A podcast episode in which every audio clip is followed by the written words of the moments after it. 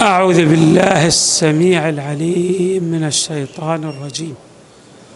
بسم الله الرحمن الرحيم والحمد لله رب العالمين. والصلاة والسلام على أشرف الخلق سيدنا ونبينا محمد وآله أجمعين الطيبين الطاهرين. السؤال يقول ما هو المعنى المراد من كلمة اليقين التي جاءت في قوله تعالى واعبد ربك حتى يأتيك اليقين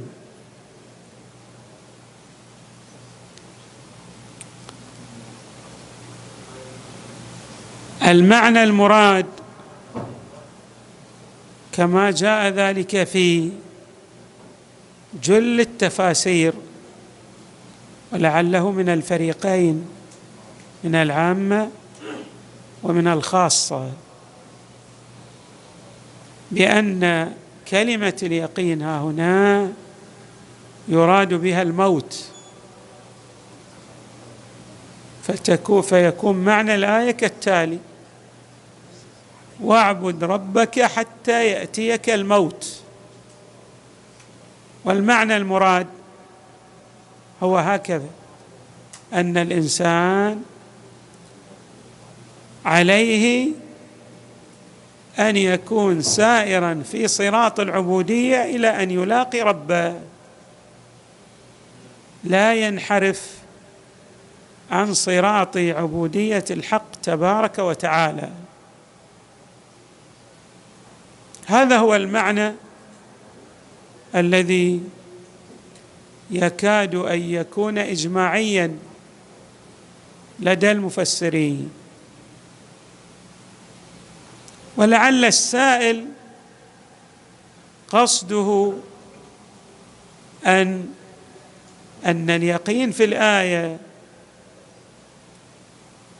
قد يستفاد منه كالتالي. بمعنى أن الله يأمر بالعبادة إلى حصول اليقين ثم لا يجب على العبد أن يقوم بالعبادات لأن الهدف من العبادة هو حصول اليقين. هذا المعنى قال به بعض الصوفية ولكنه معنى غير سديد وغير صحيح. وحتى يتضح لنا المراد عندما يقول الحق تبارك وتعالى واعبد ربك حتى يأتيك اليقين. ليس المراد أنه بعد حصول اليقين لا تجب العبادة لأن الهدف والغاية من العبادة هو إيصال الإنسان إلى اليقين. فإذا حصل اليقين انتفت غاية العبادة. ليس المعنى المراد هو هذا. المراد من الآية المباركة والكريمة أن على الإنسان كما أسلفنا أن يكون سائرا في صراط العبودية إلى أن يلاقي الموت. هذا هو المعنى المراد. فالمراد باليقين كما يقول العلامة السيد الطباطبائي في ميزانه المراد به هو حلول الأجل ونزول, ونزول الموت الذي يتبدل به الغيب من الشهادة ويعود به الخبر عيانا. فاذا المراد من اليقين ما هو؟ هو حصول اليقين بالموت. نعم. ثم قال يرحمه الله ويؤيد ذلك تفريع ما تقدم من قوله فاصفح الصفح الجميل على قوله وما خلقنا السماوات والأرض وما بينهما إلا بالحق وأن الساعة لآتية. يقول السيد طباطبائي فإنه بالحقيقة أمر بالعفو والصبر على ما يقولون. يعني هؤلاء الظالمون الذين يتهمون النبي صلى الله عليه وآله ويؤذونه على رسول الله أن يصبر. أمر وأن يعفو أيضا عن إيذائهم. أمر بالعفو والصبر على ما يقولون لأن لهم يوما ينتقم الله ينتقم الله منهم ويجازيهم بأعمالهم. ثم يردف قائلا فيكون معنى الآية دم يا رسول الله يعني داوم من الدوام. دم يا رسول الله على العبودية واصبر على الطاعة واصبر عن المعصية واصبر على مرارة ما يقولون على مر ما يقولون حتى يدركك الموت وينزل عليك عالم اليقين فتشاهد ما يفعل الله بهم من العذاب. هذا مضمون ما أفاده السيد طباطبائي وأكثره قرأته نصا. ثم يقول نعم.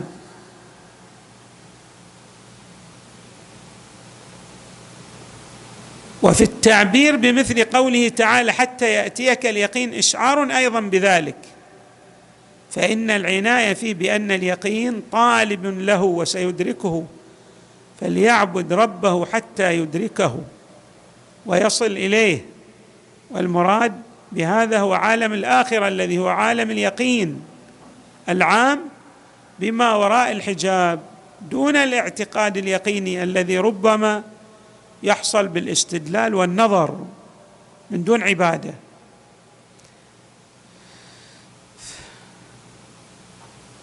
لا هذا الكلام لعله للشيخ المكارم أنا خلطت بين كلام السيد الطباطبائي وصاحب الامثل يعني المعنى واحد في كلاميهما ثم قال أيضا وبذلك يظهر فساد ما ربما قيل إن الآية تدلل على ارتفاع التكليف بحصول اليقين ليش؟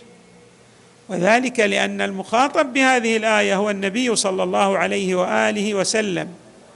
وقد دلت آيات كثيرة من كتاب الله أنه من الموقنين وأنه على بصيرة من أمره وأنه على بينة من ربه وأنه معصوم وأنه مهدي بهداية الله سبحانه إلى غير ذلك. فاذا لما يقول الله تبارك وتعالى واعبد ربك حتى يأتيك, يأتيك اليقين مو لأجل أن تحصل على اليقين لأن النبي حتما عنده اليقين. فلا معنى بأن يقول له حصل اليقين. تحصيل الحاصل كما يقولون. طيب.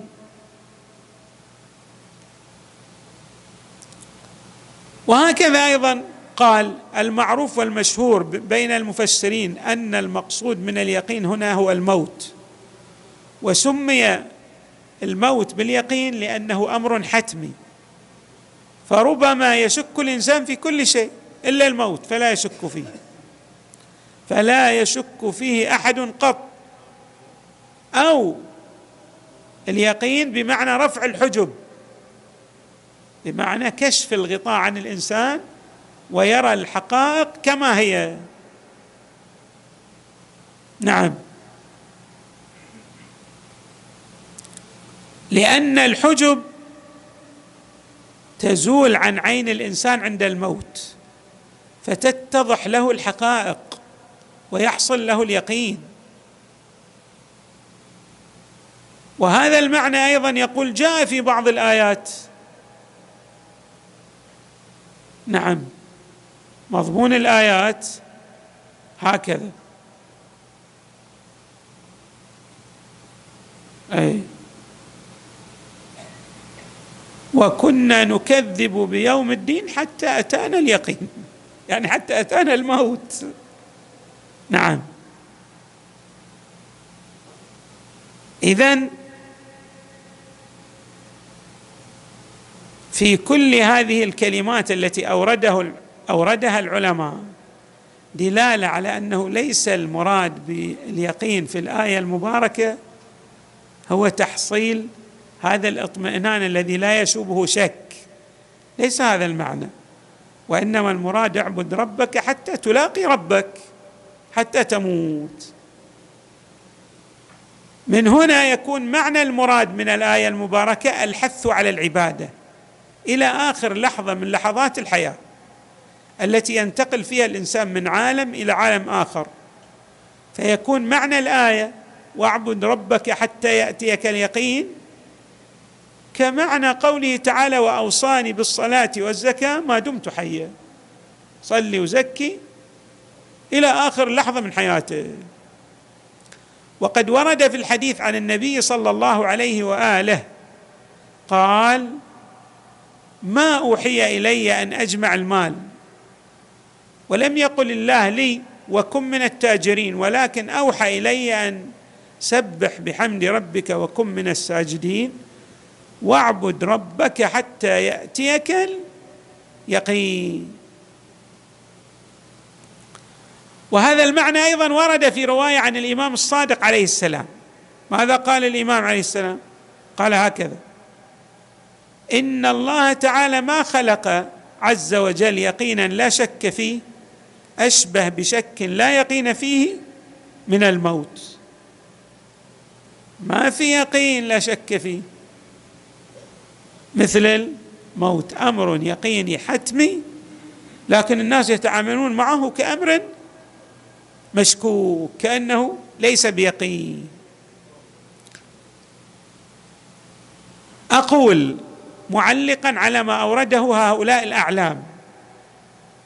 بالرغم من أنهم يقولون إن معنى اليقين يراد به ملاقاة الله تبارك وتعالى ويراد به الموت.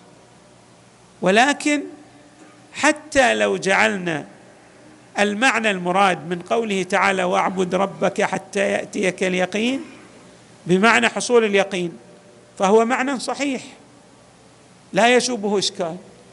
لكن الآية ليس لها مفهوم بمعنى إذا حصل لك اليقين فلا تعبد ربك. الآية ما تريد أن تقول هكذا. تقول إن العبادة لها صلة لها تأثير في حصول اليقين. لا بأس بهذا المعنى. أن يكون حصول اليقين للإنسان يرتبط بالعبادة. ولكن إذا حصل اليقين بالعبادة لا تقول له الآية إذا حصل لك اليقين بالعبادة فلا يج فلا تجب عليك العبادة. الآية ليست بهذا المعنى ليست بهذه المثابة. هناك جمل عندنا لا مفهوم لها. مثلا جاء قوله تعالى ولا تكرهوا فتياتكم على البغاء إن أردنا تحصنا. يعني أنت الإنسان ما يكره فتياته على البغاء إذا أرادوا التحصن أما إذا لم يريدوا فيكرههم على البغاء. لا الايه مفصله الآية تريد أن تؤكد على جانب الفضيلة والعفة وإبعاد المربي في مجاله التربوي. إبعاد هؤلاء الفتيات عما يؤدي بهم إلى الانحطاط الخلقي وليست بصدد أنهم إذا أرادوا أن يمارسوا ما يتنافى مع العفة فاطلق العنان لهن. الأمر ليس بهذا المعنى أبدا.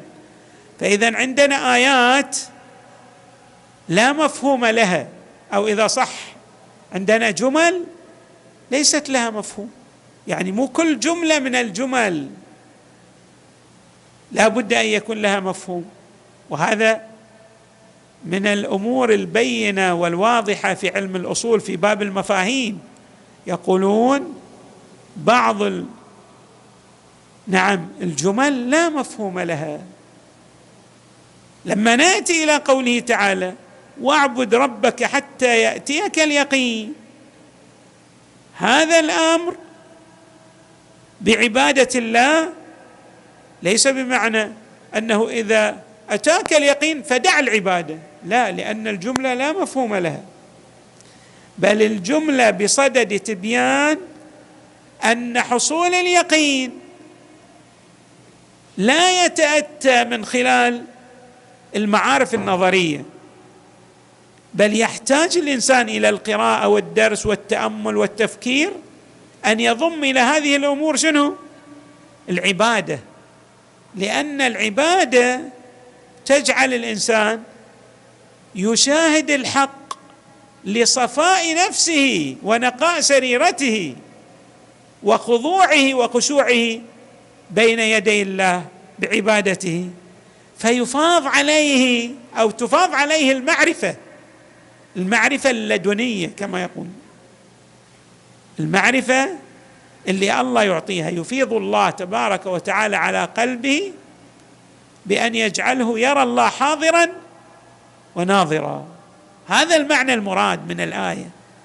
وليس المعنى المراد من الآية أنك إذا حصلت على اليقين والإطمئنان فدع العبادة. لا الآية بصدد تبيان أن للعبادة تأثير قوي وكبير وفاق لحصول اليقين وأن الإنسان لا يكفيه عالم الاستدلال فقط. لحصول اليقين وإنما يحتاج أن يضم إلى عالم الاستدلال. ماذا؟ مسائل العبودية لله تبارك وتعالى ليتاح له أن يحصل على اليقين. واساسا هذه الآية المباركة واعبد ربك حتى يأتيك, يأتيك اليقين. جاء في ضمن آيات تقدمت عليها. الله يأمر المصطفى صلى الله عليه وآله بهذه الاوامر فاصدع بما تؤمر وأعرض عن المشركين. إنا كفيناك المستهزئين الذين يجعلون مع الله إلها آخر فسوف يعلمون. ولقد نعلم أنك يضيق صدرك بما يقولون. فسبح بحمد ربك وكن من الساجدين.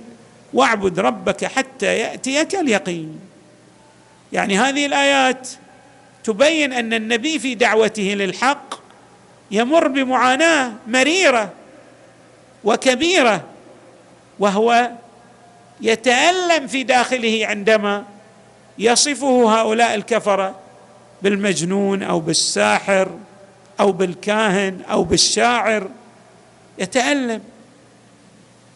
ولكن بالرغم من المه الله يطيب نفسه فيقول له إن كفيناك المستهزئين. هؤلاء لن يؤثروا على مسار دعوتك المباركة وستصل هذه الدعوة إلى مشارق الأرض ومغاربها. وبالفعل الآن لا نجد مكانا لا يوجد فيه إسلام. إذا الله هكذا يقول إن كفيناك المستهزئين الذين يجعلون مع الله إلها آخر. لأن هؤلاء ماذا؟ من المشركين. فسوف يعلمون. ثم إحنا أيضا نحيط بك علما أنك تتألم من كلماتهم النابية واستهزائهم الوقح ولكن لا ينبغي لك. يا رسولنا الكريم الله يخاطبه هكذا لا ينبغي لك أن يضيق صدرك أن يضيق صدرك. ليش؟ لأنك تستطيع أن ترفع هذه الضيقة في الصدر من خلال التسبيح وذكر الله. فسبح بحمد ربك. ومن خلال الصلاة. وكن من الساجدين. لأن المراد بالسجود هنا من باب إنه أشرف عمل بالصلاة فيعبر بالجزء ويراد به الكل. فسبح بحمد ربك وكن من الساجدين. واعبد ربك حتى يأتيك اليقين فإذا حتى لو قلنا إن الآية ليس المراد من المعنى التي جاءت به هو الموت ولكن أيضا هي تدلل على معنى دقيق أن حصول اليقين لا يتأتى بشكل دقيق إلا من خلال الاستدلال والبرهنة مع ضم شنو؟ العبودية لله تبارك وتعالى ليفيض الحق من مع من المعارف اللدنية معرفة لدنية يعني آتيناه من لدنا علما. يفيض على قلب هذا الإنسان السائر في الصراط السوي. نسأل الله تبارك وتعالى أن يجعلنا مع محمد وآله البررة الميامين في الدنيا والآخرة. وصلى الله وسلم وزاد وبارك على سيدنا ونبينا محمد وآله أجمعين الطيبين الطاهرين.